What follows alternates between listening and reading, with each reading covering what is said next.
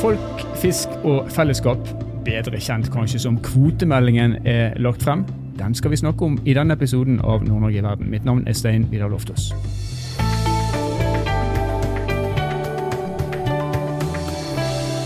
Kvotemeldingen ble altså lagt frem 12.1 i eh, Tromsø av eh, Cecilie Myrseth. Vi skal snakke med henne senere i denne episoden. her, så skal vi også snakke med Tom Vegard Kiel, som er leder i Norges Kystfiskerlag. Og så skal vi snakke med Per Martin Olsen, som er banksjef med ansvar for havnæringer i Sparebank1 Nord-Norge. Men først til hun som la fram meldingen, nemlig Cecilie Myrseth, fiskeri- og havminister fra Nord-Norge. Nå er hun her i lag med oss i Nord-Norge verden. Hjertelig velkommen til oss, Cecilie. Tusen takk. Hvorfor trenger vi en kvotemelding?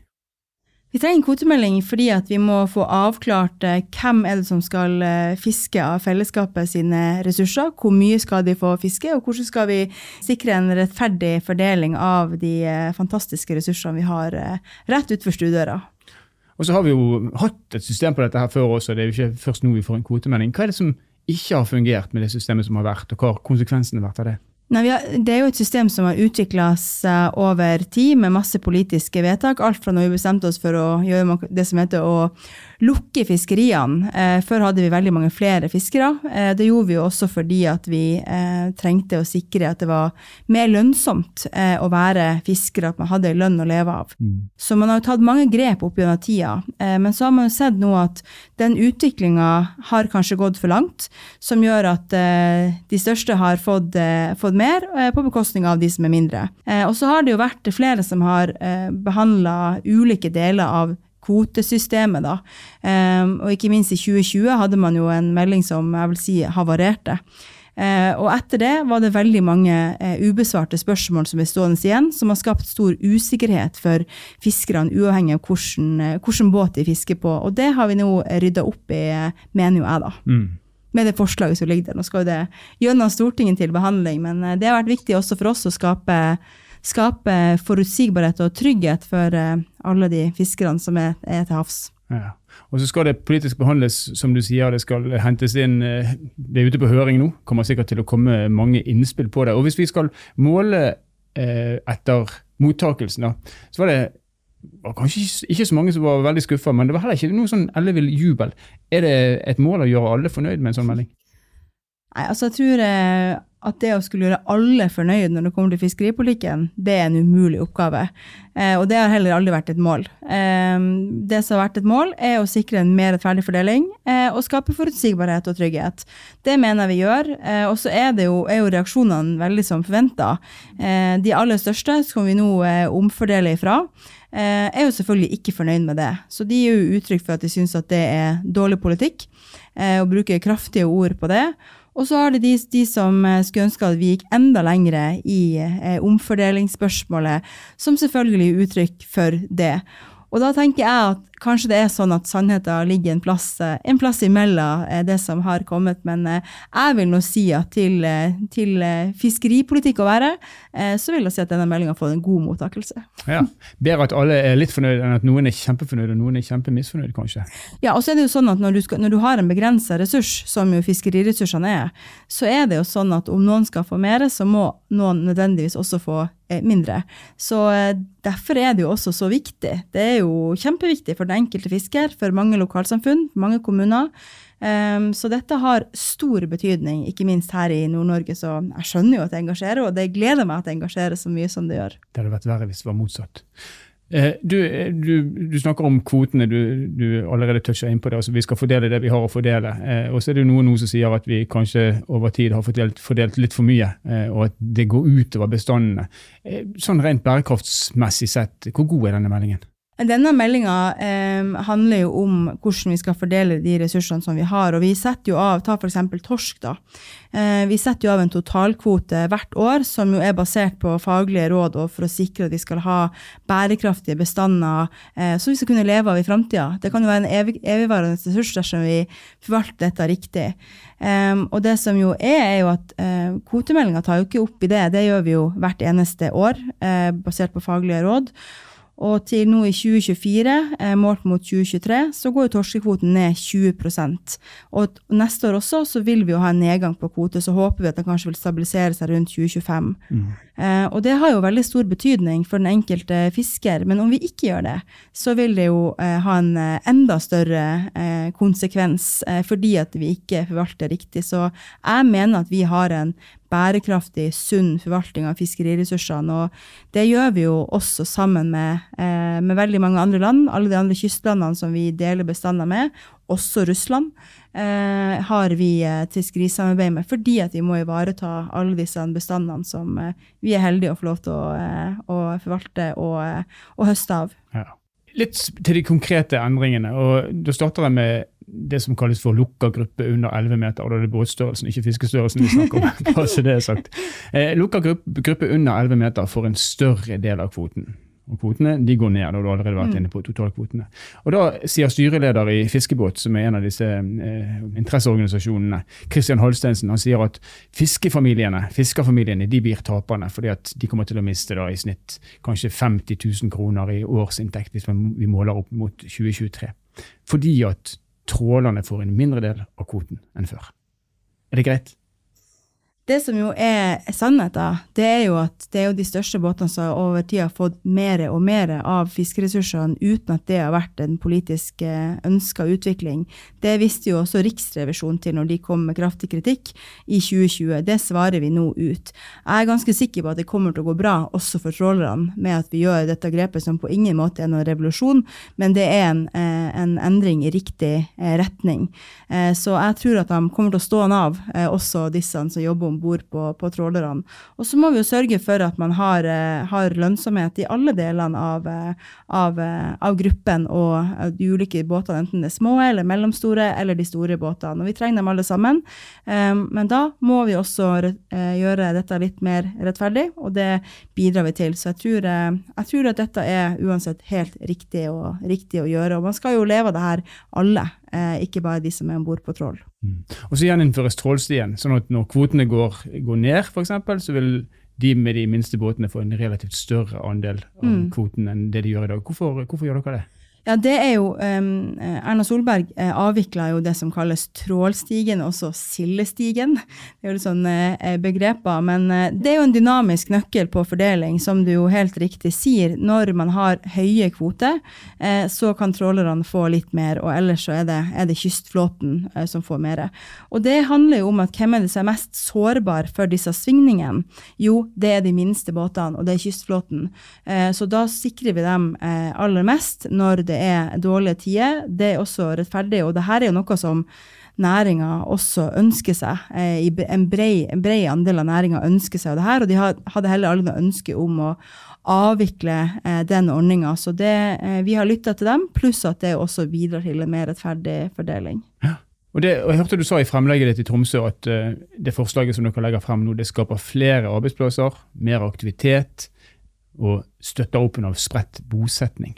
Og Så hører vi at Kystopprørets leder, jeg vet ikke om du har snakka med henne, men hun heter Lisa Robertsen, hun sier at dere ikke tør å gå inn på leveringsforpliktelsene og se på de store linjene som vil være det som kan sikre bosetting og arbeidsplasser langs kysten. Tenker kanskje litt på industrien, som er lite omtalt i meldingen. Er du enig mm. i de betraktningene? Ja, så jeg har truffet Lisa, ja. Ikke ja. nå, men jeg har truffet henne før. Og det var ingen overraskelse for meg at de som er opptatt av leveringsforpliktelsene, eh, ikke ville være fornøyd siden vi ikke har valgt å ta dem med i denne meldinga. Men da må jeg si at veldig mange eh, ministre før meg som har laget, lagt fram ny fiskeripolitikk, har tenkt at man skal eh, ta inn utrolig mange elementer i én melding. Men denne næringa er faktisk så stor, så viktig, at alt får ikke plass i én melding. På den samme måte som at du ber jo ikke, jeg tror jeg brukte eksempelet på, på fremleggelsen, at om du legger frem politikk på, eh, på, ungdomsskole, så kommer du ikke med kritikk for at vi ikke har sagt noe om frafall i videregående skole. Det er litt det samme her. Eh, så vi har mange andre ting vi også skal gjøre når det kommer til pliktene, eh, så skal vi jobbe videre med det. Det kommer politikk på det. Eh, og når det kommer til industrien, dette er jo ikke en industrimelding, dette er jo en kvotemelding. Eh, men vi skal også komme med tiltak på industrien. Men jeg håper jo at de tiltakene som ligger her, eh, bidrar til at man kan sikre arbeidsplass, bosetning i distriktene eh, i enda større grad, og særlig i Nord-Norge. Så jeg mener jo at dette er en melding med et klart Nord-Norge-stempel på, som også har vært bevisst. Riktig. En annen ting som omtales i meldingen, er eierskapsbegrensninger. Det innføres nå. og det betyr vel da grovt sett at ingen skal kunne eie mer enn 1 av, av en kvote? Eller, ja, eller internt. Vi har, jo, vi har, jo, ulike grupper. I, kyst, ja. kyst, så har man jo fire ulike sånn, lengdegrupper. Mm. Eh, og internt i hver av de gruppene så kan man ikke eie mer enn 1 og det jo igjen, handler jo om eh, å sikre en, et spredt eierskap eh, som skal eh, gjøre det mer rettferdig, som skal sikre at flere kan delta i eh, fiskeriene. Og det er jo også eh, en av de seks anbefalingene som Riksrevisjonen kom med i 2020 på hva man skulle gjøre for å bøte på at flere ressurser havna på færre hender. Det var å innføre eierskapsbegrensninger. Og da eh, innfører vi det på, eller foreslår det på 1% Og det må nesten være på det, eh, den størrelsen skal det i hele tatt ha noe, noe betydning. Ja. Den enkelte gruppe. Ja. Og Det betyr at noen må selge deler av kvoten sin, rett og slett? Ja, om noen har over det, så må man eh, selge seg ned. Ja. Eh, og, og, til det skal vi selvfølgelig ordne en overgangsordning, men det handler jo om å, å rydde opp i de eh, strukturene som er. Ja. Mm. Og så et litt, eh, kanskje et langt og vanskelig spørsmål, men man snakker også om eh, altså blant de fartøyene som er i lukka gruppe og under 11 meter, så har det i dag ikke vært åpnet for, eh, for kjøp og salg av kvoter. Mm. Men fiskerne har kunnet fiske kvotene til to sjarker på bare én sjark. Mm. Og her, her, skjer det en endring. Mm. For, forklar hva det er og hvorfor.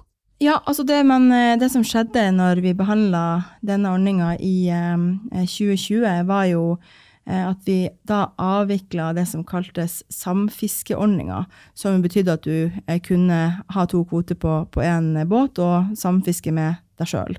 Mm. Eh, og så kunne du skrote den ene båten. Mm. Eh, og det eh, var det ikke ønskelig at man skulle ha. Eh, så den er jo vedtatt avvikla fra 2026. Um, så da har vi sagt også i vår regjeringsplattform at uh, vi ønsker uansett å få til en ordning som gjør at det er mulig å ha mannskap uh, på to stykk om bord på en sjark. Som jo også er viktig med tanke på sikkerheten om bord. Vi vet jo det vet utenfor kysten i, i hele Nord-Norge at det er, er, jo en del uh, ulykker som har fatale utfall. Um, så uh, da innfører man en ordning som også næringa sjøl har pekt på kan være en løsning, i det at man får sånne ID-kvoteordning. Det betyr at enhver båt har på en måte en ID-kvote, og så kan man ha uh, to ID-kvoter på én båt. Men det mhm. som er her, er at de kan også lett skille seg fra hverandre, så de er identifiserbare, da. Um, og det tror vi er, er riktig å gjøre. Både fleksibilitet og sikkerhet i, i ett grep mm. der. Ja, Det høres fornuftig ut. Du, jeg må bare spørre deg, vi, vi, var inne på det allerede med rundt bærekraft og bærekraftig forvaltning av, um, av, ressursene våre. Men bærekraft er jo mer enn det. og Hvis vi ser på forpliktelsene Norge har gjort i forhold til Parisavtalen Vi skal ned i klimagassutslippene massivt innen 2030 og også innen 2050. Da skal vi være i nesten null. På hvilken måte er dette hensyntatt i den kvotemeldingen som legges frem nå? Det er to ting om bærekraft. Det ene er jo at om vi, om vi spiser mer fisk alle sammen, særlig den fisken som vi, eh, som vi fanger på den måten som kvotesystemet eh, omhandler, så eh, vil jo det ha betydning for klimaet. Det, det, er jo nesten det mest klimavennlige du får å spise. Det er jo norsk sjømat. Det er ene sida. Men det vi jo gjør bl.a. i meldinga, det er jo at vi nå skal jobbe videre med eh, eh, ulike ordninger eh, for å sikre at de båtene kan bli grønnere. Mm. For det som er utfordringa nå, er at du har ikke på plass eh, løsninger som gjør at du kan bruke andre eh, kilder enn f.eks. diesel. da.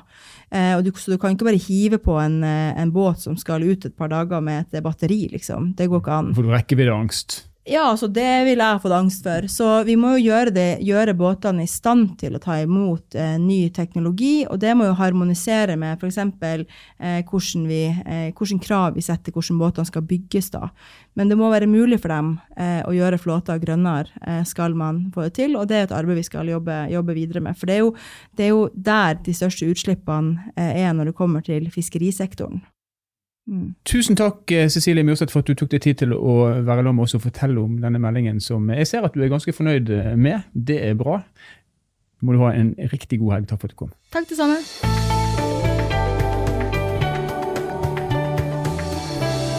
Cecilie Myrseth er naturligvis fornøyd med den eh, meldingen som hun har lagt frem. Det skulle jo bare mangle. Og så var vi jo inne på det i intervjuet at ikke alle er like fornøyd. Det skulle kanskje bare mangle det også. Tom Vegard Kiel han er leder i Norges kystfiskerlag. Han representerer altså de minste båtene, kan man eh, kanskje si. Og nå skal vi høre hva han har å si om eh, kvotemeldingen. Hjertelig velkommen til oss, Tom Vegard. Takk, takk. Du, sånn helt overordna, hva er din generelle vurdering av den kvotemeldingen som eh, nå er lagt frem? Eh, det er Man har eh, satt en, en kurs som er bedre enn det man fikk etter forrige kvotemeldinger. Samtidig så tenker jeg jo at, at hastigheten av bevegelsen er, er litt, litt senere enn det vi, det vi, skulle ønske. Men jeg tror mye av det som foreligger av, av forslag i den kvotemeldinga her, er mer reversering av eh, feilsteg i forrige kvotemeldinger enn det er en ny politikk som forelå før det. Så egentlig bra, men det kunne vært enda bedre, hører jeg mellom linjene dine. Hvis vi, hvis vi da ser på hvordan, for den Kvotemeldingen vil jo påvirke forholdet mellom alle de ulike aktørene i fiskerinæringen. Eh, det som nå foreligger, da, eh, en opprettelse av sagt, tidligere feil, men allikevel en endring. Hvordan kommer det til å påvirke forholdet mellom de forskjellige aktørene? Oh, Uh, nei, det er jo altså Vi driver jo, vi driver jo kan du si, på, på havet uansett. Uh, så altså, det er jo, Vi har vært opptatt av industrien. At industrien skal få mer, mer ferskt eh, råstoff på land. og der tenker jeg jo at man ikke i det hele tatt har, har sikta. Altså for, for, for, den minste flåten som, som jeg representerer, og er en, eh, en del av, så er, jo, eh, så er, vi jo avhengig av en desentralisert uh, mottaksstruktur for i det hele tatt å kunne, kunne høste av, av, de her lokale områdene. Så, så, ja, det har jo vært mye roping og skriking, men jeg tror det, jeg, som jeg sier det, at man, man hyler og skriker for ei bøtte sild liksom, i, i havfiskeflåten. Det, det, er det det dreier seg om. Det er fryktelig lite Eh, forandring. Man har kara til seg eh, masse tidligere, og så eh, må man gi fra seg litt av det. og Det tenker jeg det er mest bare flau på deres vegne. Men det er allikevel en bevegelse. Eh, vi kan komme inn på det mer konkrete som ligger i, meldingen, eller i hvert fall i forslaget. Da. Men hvis du ser på de du representerer, som du sier, som er den minste, ikke den minste delen, men de minste fartøyene i hvert fall mm. i denne næringen her. Økonomisk sett, med de endringene som nå er foreslått, blir det en annen hverdag for dere? Ja, for en del av oss så, så, blir det jo det. Det er jo foreslått uh, ID-kvote som, som, er uh, Noen sier at det er strukturering, uh, men, men, i forhold til det som vi har sett i den større flåten, så forsvinner ikke de her, de her deltakergangene. Ting kan splittes opp, og vi, har, vi vil kunne fortsette den samme aktiviteten senere som vi har hatt, hatt tidligere. Så man slipper å ha båter liggende i kaia og og bruke, bruke, kostnader på det. Eh, hvis man ser da på åpen gruppe, så er det jo altså de som ikke har fartøykvote, så er det jo ingenting i den kvotemeldinga her som bedrer deres, bedre bedrer deres hverdag. Og det er jo den mest tallrike flåten. Og de sitter igjen med ingenting. Det er greit at man forteller at det her skal tas fra toppen, ikke sant? og trål skal være med å betale for det her, men det gir dem ingenting mer. Det er jo noe som vi har messa på. Jeg satt jo i den referansegruppa også før det her. Eh, og messa på at man må få på plass ordninger som også styrker den, eh, den minste og mest skjølbare flåten. Altså, altså eh, sånn som da åpen gruppe. Skjøre, den virkelig skjøre flåten med, med små båter og, og, veldig tallrik, de har altså likevel fått ingen, ingen, ingenting. Og Det er i denne gruppen man snakker om rekruttering til uh, fiskeryrket ofte. Ja. Eh, og så hører jeg når Cecilie Myrseth snakker om eh, kvotemeldingen at det er gjort Eh, lempinger for at det skal være enklere for denne gruppen. Men det du sier er at i realiteten så er det ingen endring? Um, nei, jeg, jeg, klarer ikke helt å se hva altså Hvis du snakker om åpen gruppe, så klarer jeg ikke helt å se hva, hva man har gjort. Um, jeg har nå prøvd å, å lese på, på det her dokumentet. Jeg klarer ikke å finne, finne løsninger der. Så For oss som er i lukka gruppe, som har fartøykvote og har kjøpt kvote, så, så, er jo, så, er det jo, en bedring. Og det vil jo kunne gjøre Altså Det at man går for ID-kvote kontra strukturkvote, vil jo kunne gjøre at det blir på sikt enklere å komme seg inn i den gruppa uh, i forhold til, til, hvis man hadde struktur og alle de her kvotene ble mye større og mer kostbare å kjøpe.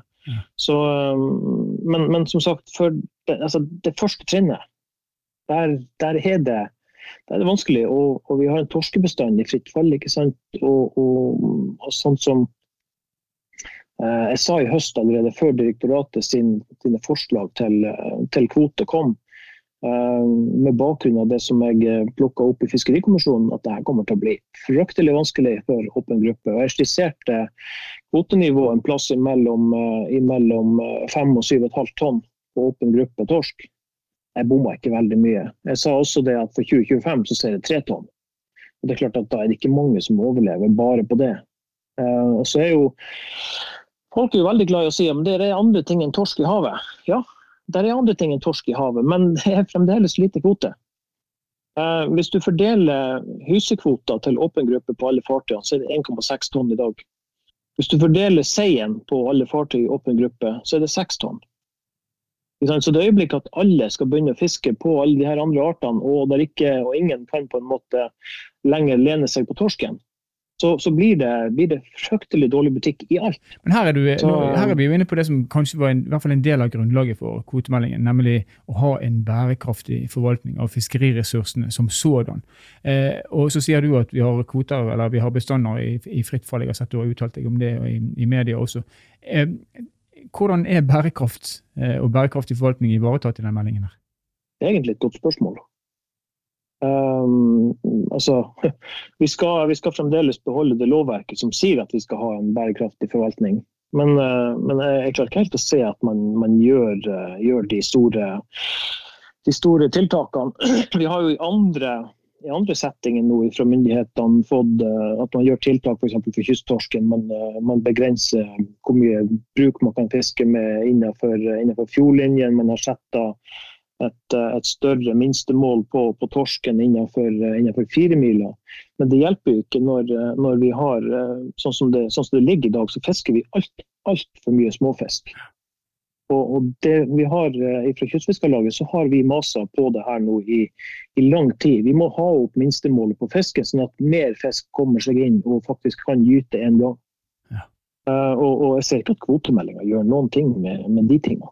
Det vi i hvert fall kan si, eh, Tom Vegard, er at man har gjort noen konkrete endringer, men kanskje er det utydelig hva som kommer ut av det. Og et par, vi skal snakke om et par av de endringene. og En av de eh, handler om dette her med å fordele kvotene mellom store og små eh, for, fortøyer.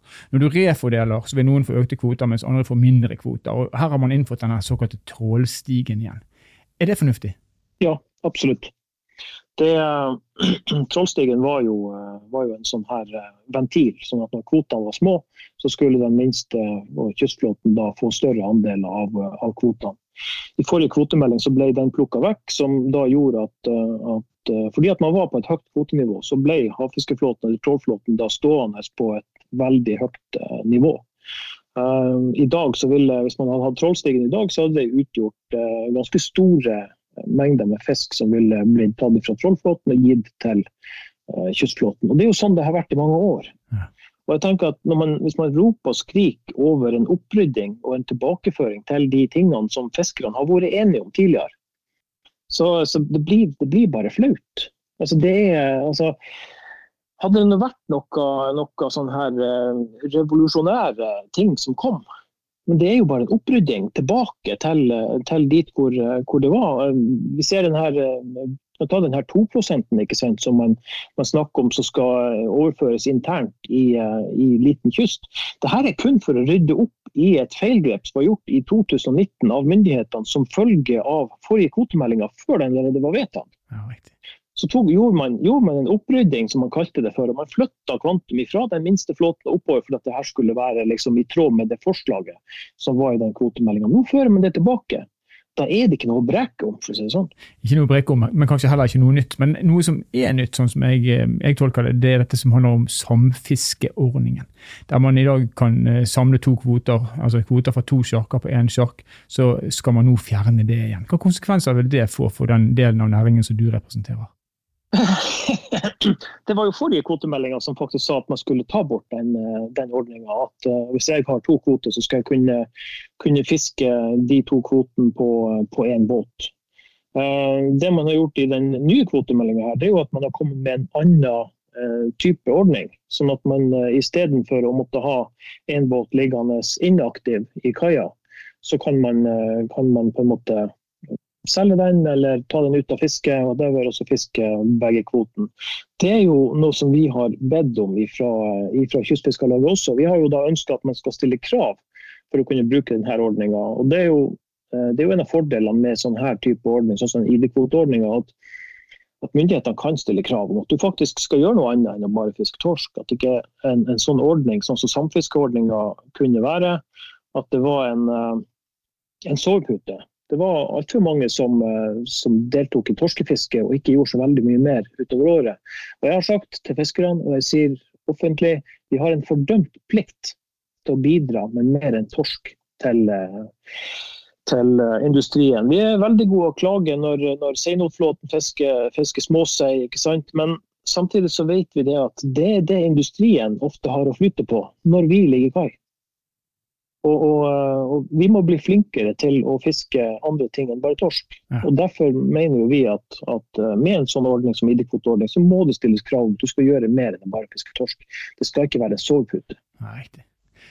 Man innfører også eierskapsbegrensninger i kystflåten. Det betyr i realiteten at kanskje de store fartøyene med store kvoter må selge en del av kvotene sine. Vil det påvirke dynamikken, og i så fall eh, på hvilken måte? Ja, For den minste flåten så er jo det her ikke et, et veldig, stort, uh, veldig, stort, tema. Uh, der er 1300 båter. Skal du ha 1% av det her, så er det liksom, hvis du teller båter, så er det 13 fartøy. Ja, jeg tror ikke det er noen som, som er, er, der enda. Men hvis du, hvis du, går litt i materien på det her, og det mener jeg at de har gjort i den kvotemeldinga her også, og ser på uh, ikke bare hvem som står som eier i, i første ledd, kan du si men også hvem som står som ledd bakover og i andre selskap. ikke sant? Og begynne å, å samle opp. Uh, så, så, vil faktisk, uh, så, vil det faktisk være en del som, som vil måtte uh, selge seg ut fordi at de eier for mye ja. av, av, den norske fiskeflåten. Det tenker jeg er fint. Det tenker jeg er bra, at vi får spredd det her på, på, flere. Og Det vil også da være vanskeligere for industrien å kunne, kunne kjøpe seg inn i flåten. Det, det, er, det, er, faktisk eh, man kan jo gjerne, noen, noen, tenker kanskje at ja, men er ikke det fint at, at industrien får, eh, får, kjøpe kvote og får være medeiere i båter sånn her. ikke sant? Ja, på, på, Hvis du ser isolert på det, så kanskje. Men samtidig så er det spørsmål hvem sitter på mest kapital? Er det industri som f.eks. har oppdrett i ryggen, eller er det den, den lille fiskeren som skal etablere seg og kjøpe seg båt og kvote? Og hvem blir utkonkurrert i den konkurransen? Så det å få en begrensning som gjør at, man ikke, at ikke alt til slutt havner på, på børs, for, for, å ta i litt, det, det, vil gjøre at vi, vi opprettholder den, den, det, det desentraliserte fisket. Det er jo det vi ønsker. Ja, riktig. Hvordan ser du på fremtiden for eh, norsk kystfiske og for norske kystfiskere? Nei, Jeg ser jo eh, i utgangspunktet positivt på det. Um, vi uh, ser en fremtid hvor, uh, hvor, vi må ha ned karbonutslippene. Uh, hvor vi må ha en mer, en mer grønn, grønn, forvaltning av ressurser og en, en mer grønn verden. Og da, da er det liksom det, det, er vi som er nøkkelen. Det er vi som har de desidert laveste karbonutslippene per kilo fisk som kommer på land. Altså, det, burde vært, det burde vært tatt med i den kvotemeldinga. Så at man, man, at, man, at man, på en måte fordeler ressursene på en sånn måte at man får ned karbonutslippene. Det, det, hjelper ikke å fortsette med altså jeg, jeg, har sagt, og jeg sier, eh, man kan mene hva man vil om trål, men jeg tror ikke at trål er en redskap som har framtida med seg. Det er gammeldags. Det bruker enorme, enorme mengder fuel for å, for å, fangste fisken. Og jeg tror ikke at når vi, når vi kommer 15-20 eh, år, 30 år fram, fram, i tid, at vi driver med fiske med trål lenger. Jeg tror det der kommer til å stoppe seg sjøl. Så, så for, eh, for, eh, for, kystflåten og konvensjonelt fiske, så, så, har jeg trua på at det er, det er veien å gå. Da lar det være de siste bevingede ord fra Tom Vegard Kiel, som altså er fulltidsfisker, bare så det er sagt, og også leder i Norges kystfiskerlag. Tusen takk for at du kunne være med oss, Tom Egger. Takk for at jeg fikk komme. Da vet vi hva som er tenkt fra politisk nivå, og vi vet også hva ja, noen av de som representerer næringen mener om kvotemeldingen. Og Så kommer vi til eh, den finansielle siden av det. Og Per Martin Olsen han er banksjef med ansvar, ansvaret for havnæringer i Sparebank1 Nord-Norge. Og han har kunder som da har gjort sine refleksjoner på bakgrunn av det som nå er lagt frem. Og Det skal vi få høre litt om nå. Hjertelig velkommen til oss, Per Martin. Takk skal du ha, Sten Vidar. Alltid hyggelig å være med i podkasten din. Ja, Så bra. Du, du har selvfølgelig òg eh, si, nylest denne meldingen som ble lagt fram i, eh, i, begynnelsen av januar. Hva tenker du om den meldingen som foreligger? Nei, For det første så, så tenker jeg at det, det, som er mest positivt med selve meldinga, er jo at den endelig nå er kommet. Eh, etter nesten åtte års behandling. Eh, Gitt at den blir vedtatt av Stortinget, så, så gir det her forutsigbare rammebetingelser for, for fiskerne i flere tiår fremover. Så det, det, det, er utrolig bra at den endelig har kommet etter, etter, mye. Så det har jo vært stor spenning i forkant. Eh, ja, Enkelte medier har vel skrevet at det ble varsla storm, men resultatet ble vel kanskje heller en sånn laber bris. Så det, det er ikke de store endringene her, for å si det sånn, i forhold til den opprinnelige fiskeripolitikken som Sånn som jeg vurderer det. i hvert fall. Ja. Men, men, kanskje er det sånn at uh, det som du, du, peker på, nemlig forutsigbarhet, kanskje er nesten det aller viktigste? At man vet man skal forholde seg til i en lengre periode?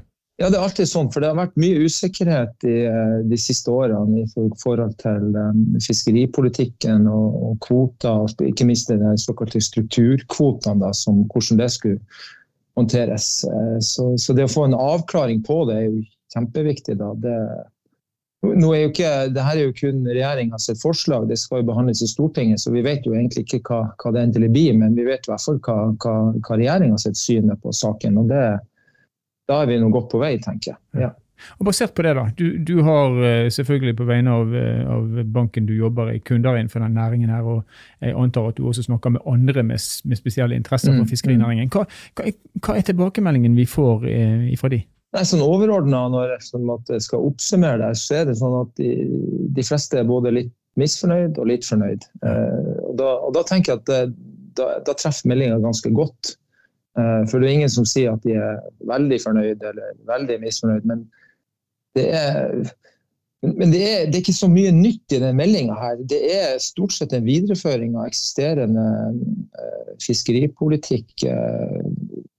Hjemfallet av de strukturkvotene ble omtrent sånn, sånn som, eh, som forventa. Det var jo det som Fiskarlaget foreslo, og det har vi tatt inn. Det er ikke noe endring på fartøygruppeinndelinga som har vært liksom diskutert. Eh, så, så, ingen grunnrenteskatt eller ressursskatt. Eh, så ja, det, det, er mye as-is, men det er klart at noen av det blir jo litt sånn litt vinnere og tapere i det her, da. Men, men de som er kanskje mest, mest fornøyd, det er jo de, den minste flåten. Så, så, så er jo både Kystfiskarlaget og Fiskarlaget har jo sagt at de er rimelig fornøyd med, med det som er kommet. Og de som, er, de som representerer den havfiskeflåten, da, de har jo sagt at de er misfornøyd. Så, og så har du industrien, da, eh, gjennom sjømatbedriftene, organisasjonen som representerer de, de er jo veldig misfornøyd. Så, for industri er jo knapt nevnt i denne meldinga her. Så, og de mener jo da at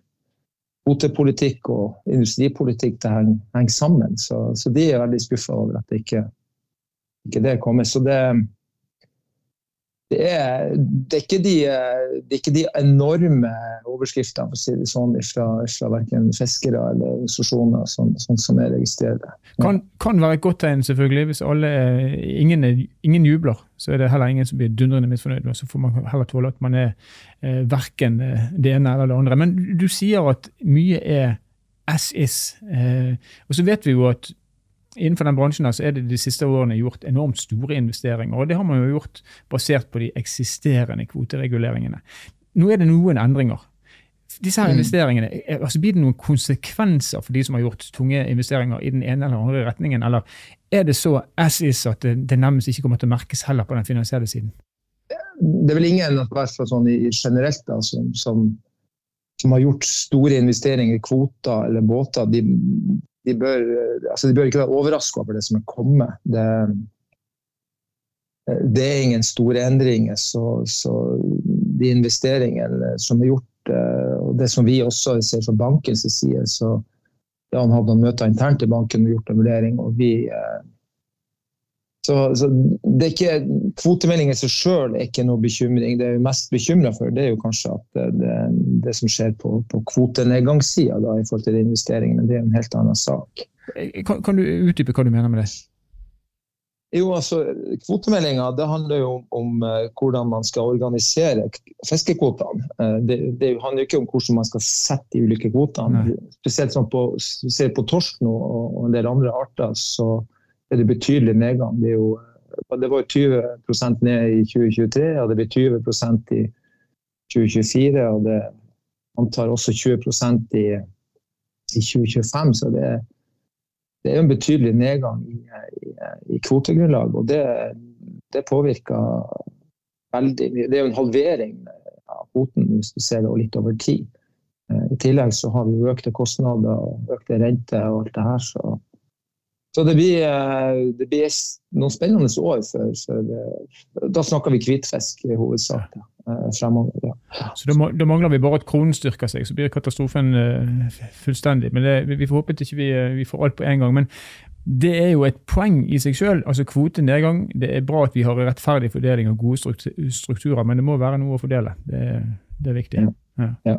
Her, er en, her, er jo en, viss fordeling her, selvfølgelig. Det, man, man, har jo gjort en fordeling fra de litt større fartøyene til de minste. Men, men det er sånn sett er det begrensa volum, men eh, noe fordeling er det selvfølgelig. Det, det det. det ja.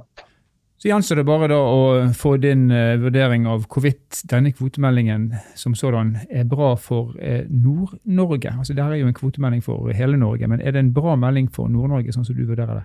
Ja, nå er ikke det her noen sånn distriktspolitisk melding, sånn sett, men uh, Nord-Norge er jo ikke særskilt nevnt her. men vi har en veldig stor flåte med de minste båtene i, i Nord-Norge. Og, og, hvis man skal, liksom, som jeg sa, skal kåre en vinner her, så er jo de, de aller minste flåtegruppene som, som kommer best ut. Eh, de får jo litt økt, økt De får ikke økte kvoter, men de får økt kvotegrunnlag eh, i det forslaget. Eh, og så har du noen spesialordninger, som bl.a. videreføring av den såkalte samekvoten. og Den gjelder i hovedsak Troms, deler av Troms og Finnmark. Uh, og så har vi den ferskfiskordninga som er også veldig bra for Nord-Norge. Men summa summarum så, så, er det jo det at det er stabilitet og ikke så stor omfordeling.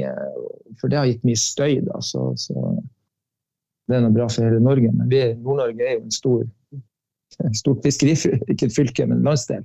Så, Nei, men Bra. Da oppsummerer vi Per Martin med å si at uh, her har vi fått ikke noe som uh, skaper et jordskjelv, men det kan være bra for forutsigbarheten. Og om vi skal kåre en vinner, det skal vi selvfølgelig ikke slå oss på brystet av, men om noen så kommer i hvert fall ikke Nord-Norge dårligere ut enn resten av landet på dette området. Tusen takk for at du kunne være med oss, Per Martin Olsen, da banksjef i Sparebank1 Nord-Norge. Ja, takk for at jeg fikk være med. Folk, fisk og fellesskap er også navnet på meldingen. og Det forteller jo litt om hva man har tenkt med denne kvotemeldingen. Altså Man skal fordele ressurser som eh, ja, vil være varierende i mengde. Eh, og man har gjort det med en viss dynamikk, sånn at hvis mengden går ned, så skal det falle litt mer på de som har de minste fartøyene. Og så er det som har med industrien å gjøre, hørte vi Cecilie si. Det er ikke noe særlig omtalt. Noen mener det er feil. Cecilie sier at vi kan ikke ha alt i én melding. Men det er klart at skal man bruke dette her til å opprettholde bosetting langs kysten, så må man også ha en industri og et fiskemottaksapparat som harmonerer med ja, de som har kvotene, for, for å si det litt sånn beint fram. Og så er det heller ikke sagt så veldig mye om bærekraft. Det hører vi Cecilie si at det skal de også komme tilbake til, men husk da at det å spise villfanga fisk i seg sjøl er veldig, veldig bærekraftig. Det er viktig å ha det med seg. Nord-Norge i verden er en podkastserie som er produsert av Sparebank1 Nord-Norge i samarbeid med Helt Digital. Musikken du har hørt er laga av Emil Karlsen. Jeg heter Stein Vidar Loftaas. Vi høres igjen i neste episode.